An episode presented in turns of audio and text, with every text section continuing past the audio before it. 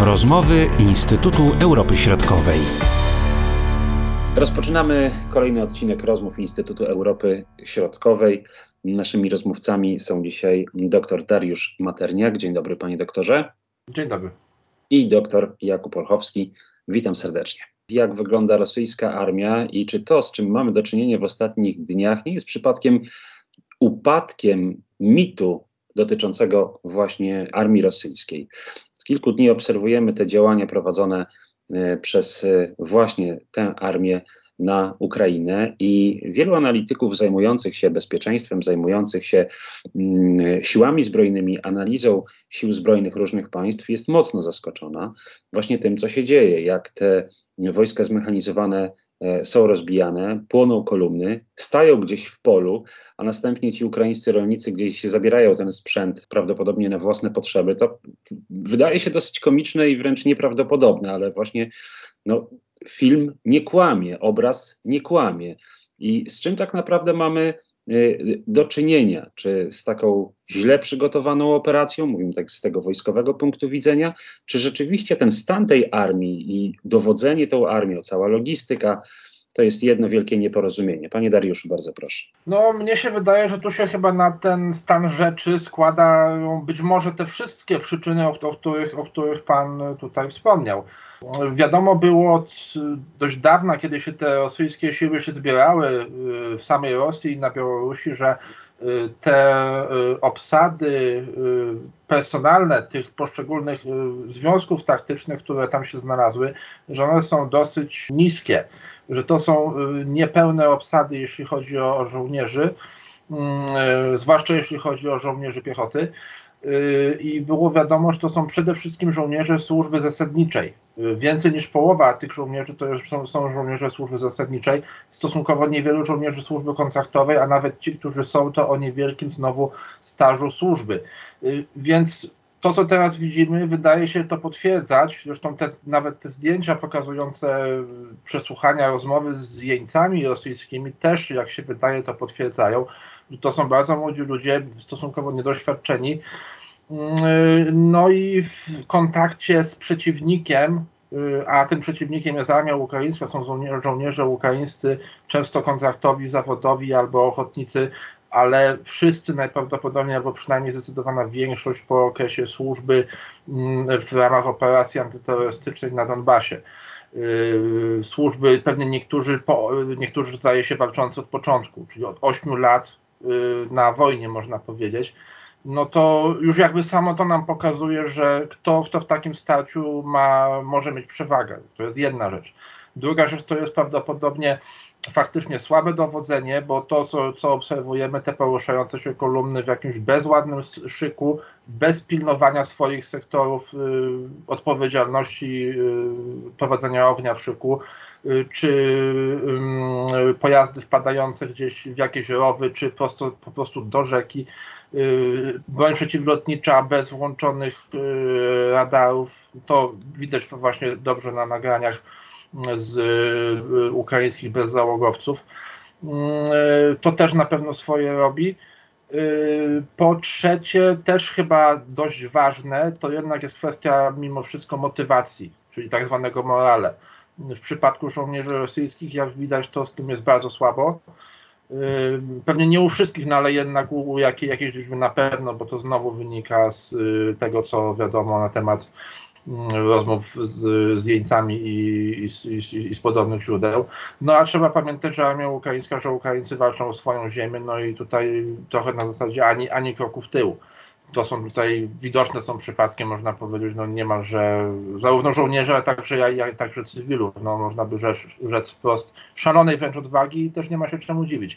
I te wszystkie czynniki się zdaje się składają na te na te stan rzeczy, które mamy w tym momencie. Trochę, tak mi się wydaje, y, można poszukiwać analogii nawet z II wojną światową, gdzie te ogromne masy, te żołnierskie y, wojsk sowieckich były bardzo często bez ładu i składu rzucane na odcinki i ponosiło ogromne straty.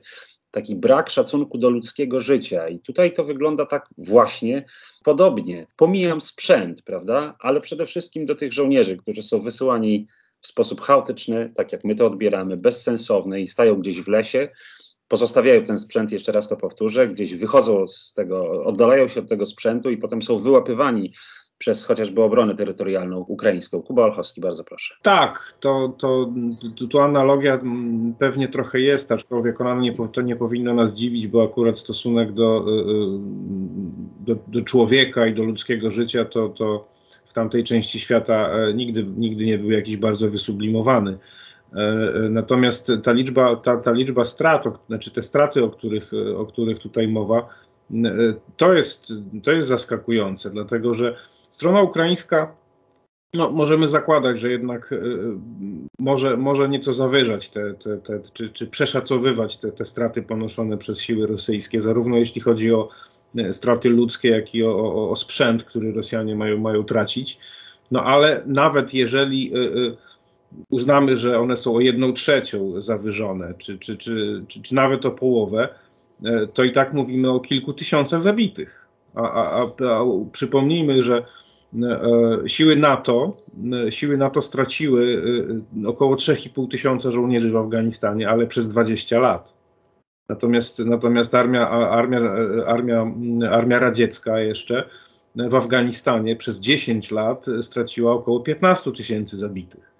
Więc jeżeli oni w ciągu pięciu dnia rzeczywiście stracili kilka tysięcy, mają kilka tysięcy poległych, to, to, są, to jest hekatomba, to są, to są gigantyczne, gigantyczne straty.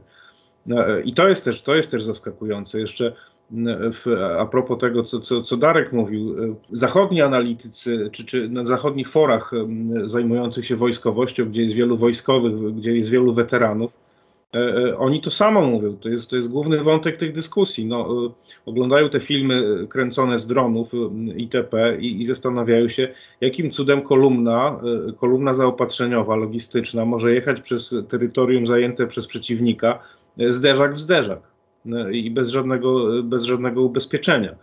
To jest, tak jak właśnie tutaj przed chwilą padło, to to jest i niskie morale, i prawdopodobnie y, kiepskie dowodzenie bardzo.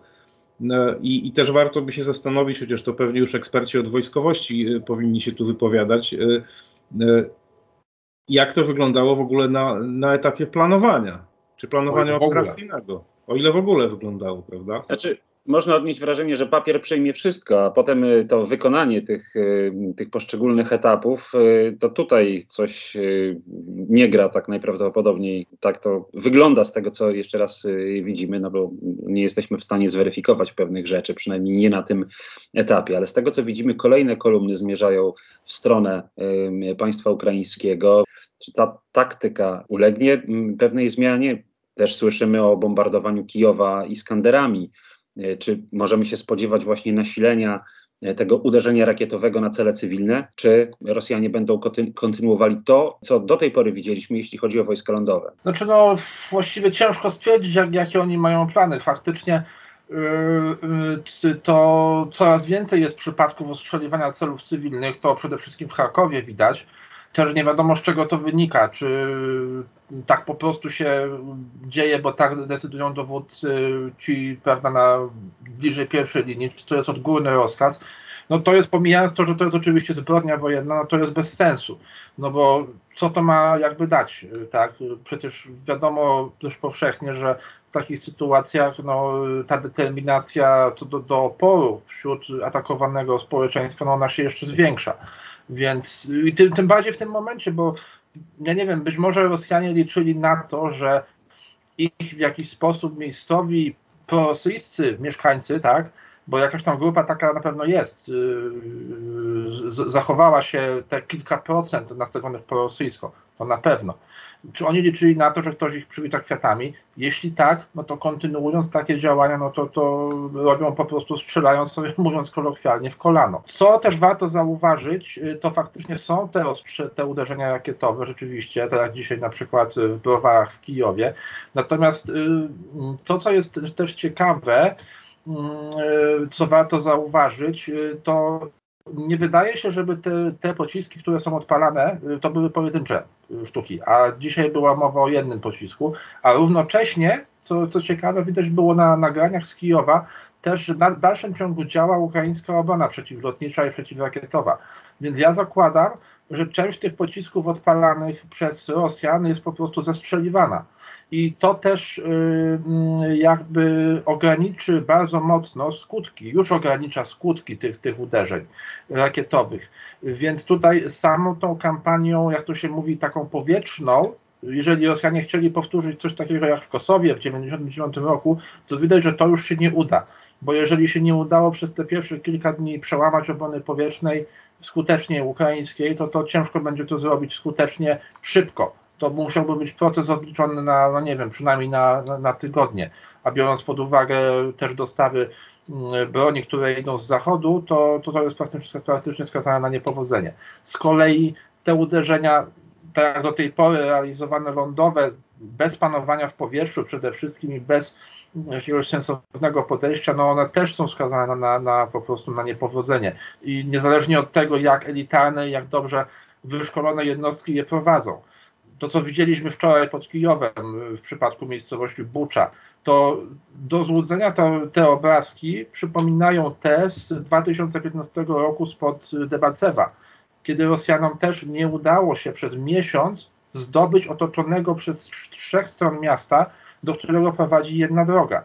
To też było dlatego, że tutaj y, sprawę no, załatwiała aktywność ukraińskiej artylerii, która y, za każdym praktycznie razem masakrowała, można powiedzieć, te rosyjskie kolumny zbierające się, zbierające się do natarcia. I tu mamy powtórkę. Czyli to znaczy, że Rosjanie nie wyciągnęli po tych siedmiu latach w zasadzie żadnych wniosków. Znowu popełniają te same błędy, Y, znowu, znowu tak to właśnie wygląda. Więc pytanie brzmi w tym momencie, ile to jeszcze potrwa i czy to, czy to się zmieni po stronie rosyjskiej y, w najbliższym czasie, czy, czy, czy później, czy, czy kiedy to może nastąpić, czy po prostu w, którymś momencie Rosja poniesie takie straty w sile żywej i w sprzęcie, już pomijam straty gospodarcze, które wynikają z sankcji, że ona będzie zmuszona poprosić o zawieszenie broni. Bo, bo to byłoby oczywiście najlepsze wyjście im, im to by się stało szybciej, tym oczywiście lepiej.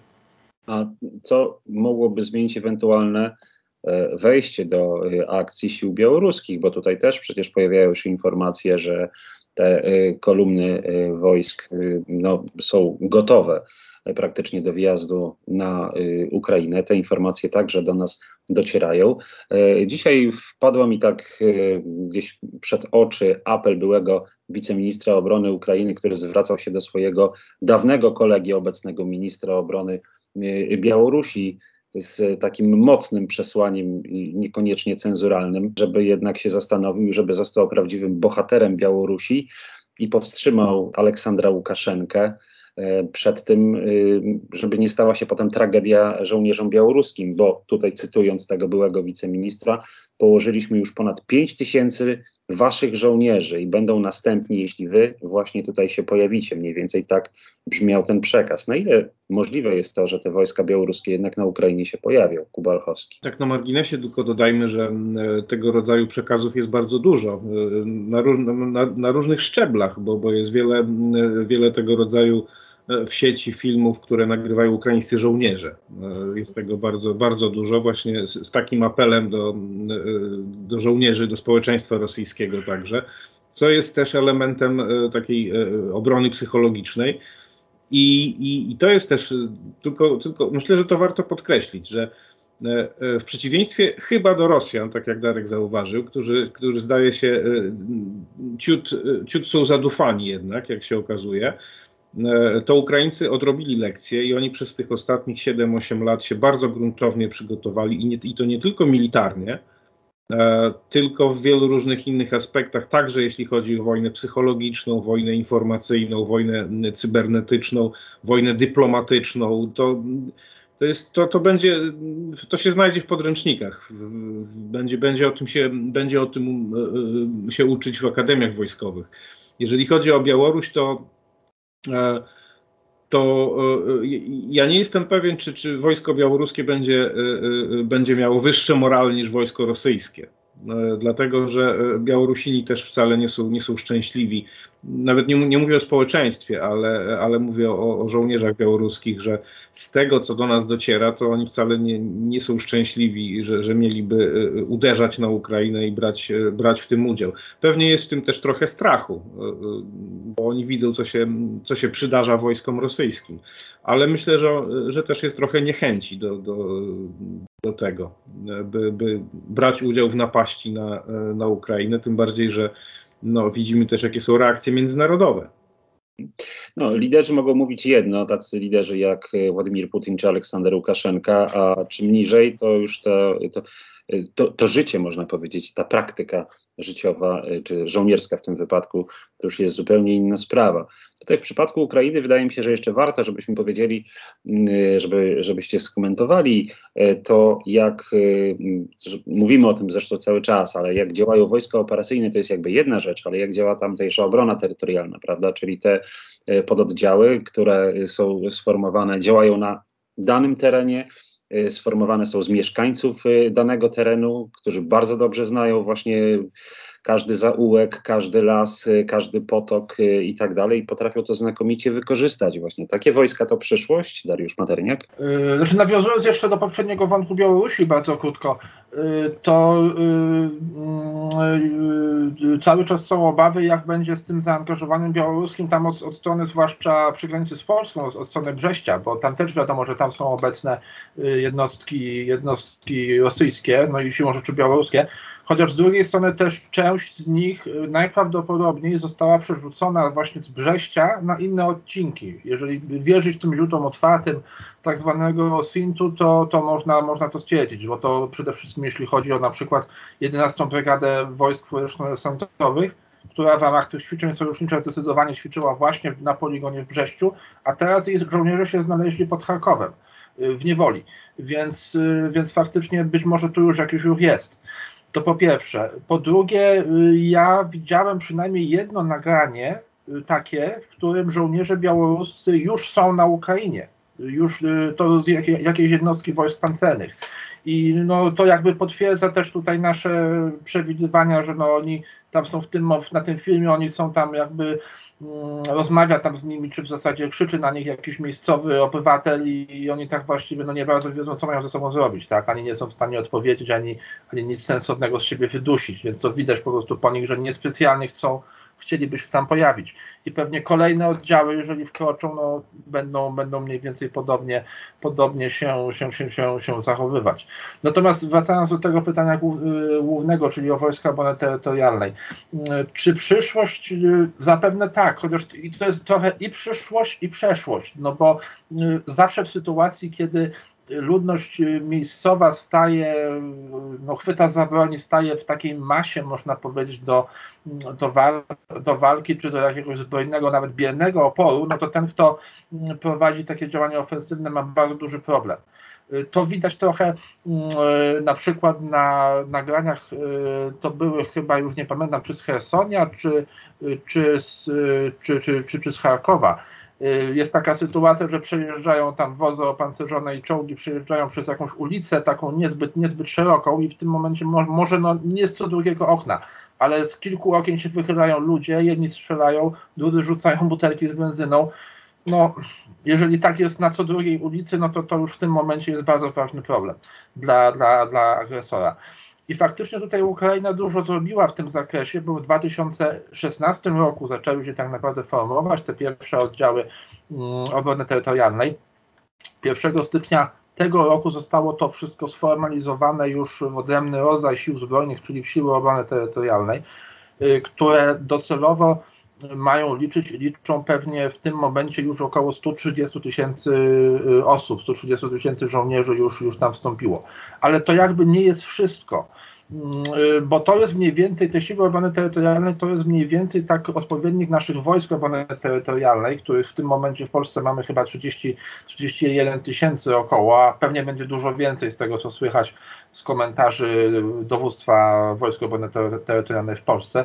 Natomiast to jeszcze nie jest wszystko, bo z tego, co ja się dowiaduję właśnie od znajomych też z tych struktur obrony terytorialnej w Lwowie i w kilku innych miejscach, to tam mamy taką sytuację, że Mm, takie patrole obrony terytorialnej, takiej miejscowej, czasem się to nazywa z ukraińskiego sil, silska samoobrona, czyli taka, jakby tłumacząc na polski, wiejska samoobrona, tak, oczywiście to nie tylko wsi, ale też miasta, miasta, miasteczka i tak dalej. W zasadzie takie patrole uzbrojone lepiej lub gorzej, tak, ale gdzieś tam funkcjonujące w zasadzie w każdej dzielnicy, w każdej wiosce, w każdej, mm, w każdej y, miejscowości, Y, no to, to już mamy liczbę prawdopodobnie przynajmniej kilku milionów ludzi zaangażowanych w takie działania. I to jest niezmiernie ważne, dlatego że y, faktycznie osoby znające konkretną miejscowość, znające teren, znające swoich przede wszystkim sąsiadów, są bardzo łatwo w stanie wyłapać tych y, dywersantów, sabotażystów, kogoś, kto się tutaj kręci, jakieś różne dziwne działania może podejmować a także mm, są w stanie powiadamiać skutecznie o różnych sytuacjach, czy to przemieszczających się żołnierzach, czy desantach, czy, czy czymś takim. Oczywiście tu trochę jest przypadków też takich trochę dezinformujących, bo pojawiają się plotki, że tu wylądował desant, tak jak było w sobotę pod Lwowem. Tu niby wylądował desant, potem się okazuje, że to byli jednak żołnierze ukraińscy. Więc to na pewno jest jakiś tam margines ryzyka wpisany w taką działalność, ale suma summarum to się opłaca i, i, i takie doniesienia są sprawdzane, są weryfikowane. No i, i, i w tym momencie bardzo ciężko jest prowadzić działania ofensywne, czy jakiejś tam perspektywie, aby do tego doszło okupacyjne w takiej sytuacji, kiedy no wszyscy są przeciwko nam. To ile trzeba będzie żołnierzy do okupacji takiego kraju? No chyba parę milionów. No i jak długo? No to, to jest nie, nie, nie do zrobienia. To jest skazane na porażkę już, już z góry po prostu taki Afganistan razy 10 można powiedzieć. No, co najmniej, tak. Ta skuteczność tych, y, czy też y, takie zaangażowanie tych żołnierzy widać y, chociażby dziennikarze, którzy działają na Ukrainie i oni jak przeprowadzają relacje właśnie tam z, z różnych miast, czy z Białej Cerkwi, czy z Lwowa, opowiadają właśnie o tym, że są wielokrotnie sprawdzani, ich tożsamość się parę razy sprawdza, prawda, tak na wszelki wypadek, czyli tutaj jakby jest Aha. Mhm. też ten, taka czujność, yy, można powiedzieć. A dodając do tego, że jeszcze te pododdziały są wyposażone w taką broń jak, jak yy, Javeliny, prawda, no to to jednak yy, staje się wtedy bardzo, bardzo skuteczne i groźne, co widać na załączonym obrazku. Tak, widać, widać skutki i, i to jest, i myślę, że to jest też ten element, jak, to też nawiązuje do tego tematu głównego naszej, naszej rozmowy, czyli tego pewnego upadku mitu, bo jak do tej pory, to przez, przez, przez wiele, wiele ostatnich lat ani armia rosyjska, ani, ani armie zachodnie właściwie nie miały szansy na, na, na konfrontację w konflikcie symetrycznym walczyły w, jakichś konfliktach asymetrycznych to tu, to tam. E, e, I, i, wszelkie, wszelkie dywagacje na temat skuteczności tej broni czy tamtej broni e, w, w, właśnie stosowanej w konflikcie symetrycznym, czyli na przykład broni przeciwpancernej, to były tylko dywagacje. Natomiast teraz przeszliśmy do fazy sprawdzenia tego i, i, no i okazało się dość, dość jednoznacznie, że mm, ta zachodnia technologia jest, y, no, no jest, jednak, jest jednak znacznie lepsza, co właśnie widać na załączonych obrazkach, czyli y, widać na ukraińskich y, drogach zasłanych złomem, który został z, z, z rosyjskich, rosyjskich pojazdów. I, I myślę, że to też jest efekt psychologiczny, który odczuwają Rosjanie. I to chyba żołnierze oczywiście, ale myślę, że też nie tylko żołnierze prości, także, ale także także dowództwo e, e, jest to dla nich, jest to chyba dla nich bardzo bolesne. I na pewno jest też, jest też ogromnym blamarzem i takim ciosem wizerunkowym w ogóle w, w rosyjską armię to, że po pięciu dniach oni właściwie nie osiągnęli żadnych, żadnych celów podczas tej operacji, bo według danych wywiadowczych ukraińskich, tak przynajmniej można się było, można się było, można się dowiedzieć, E, oni w ciągu dwóch pierwszych dób operacji zamierzali zająć e, Charków, Herson i Kijów. E, nic z tego się, nic z tego się nie udało.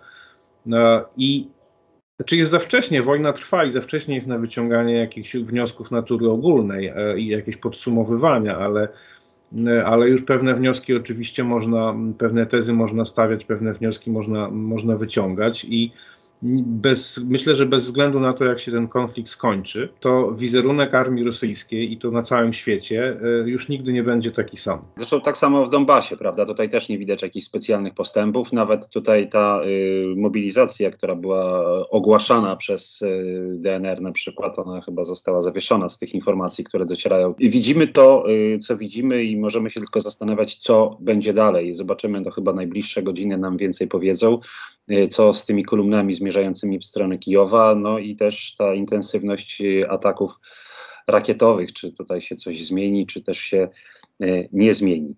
Zobaczymy i na pewno będę prosił o dalsze komentarze. Bardzo dziękuję panom za tę rozmowę. Dariusz Materniak Jakub Orchowski. Do usłyszenia.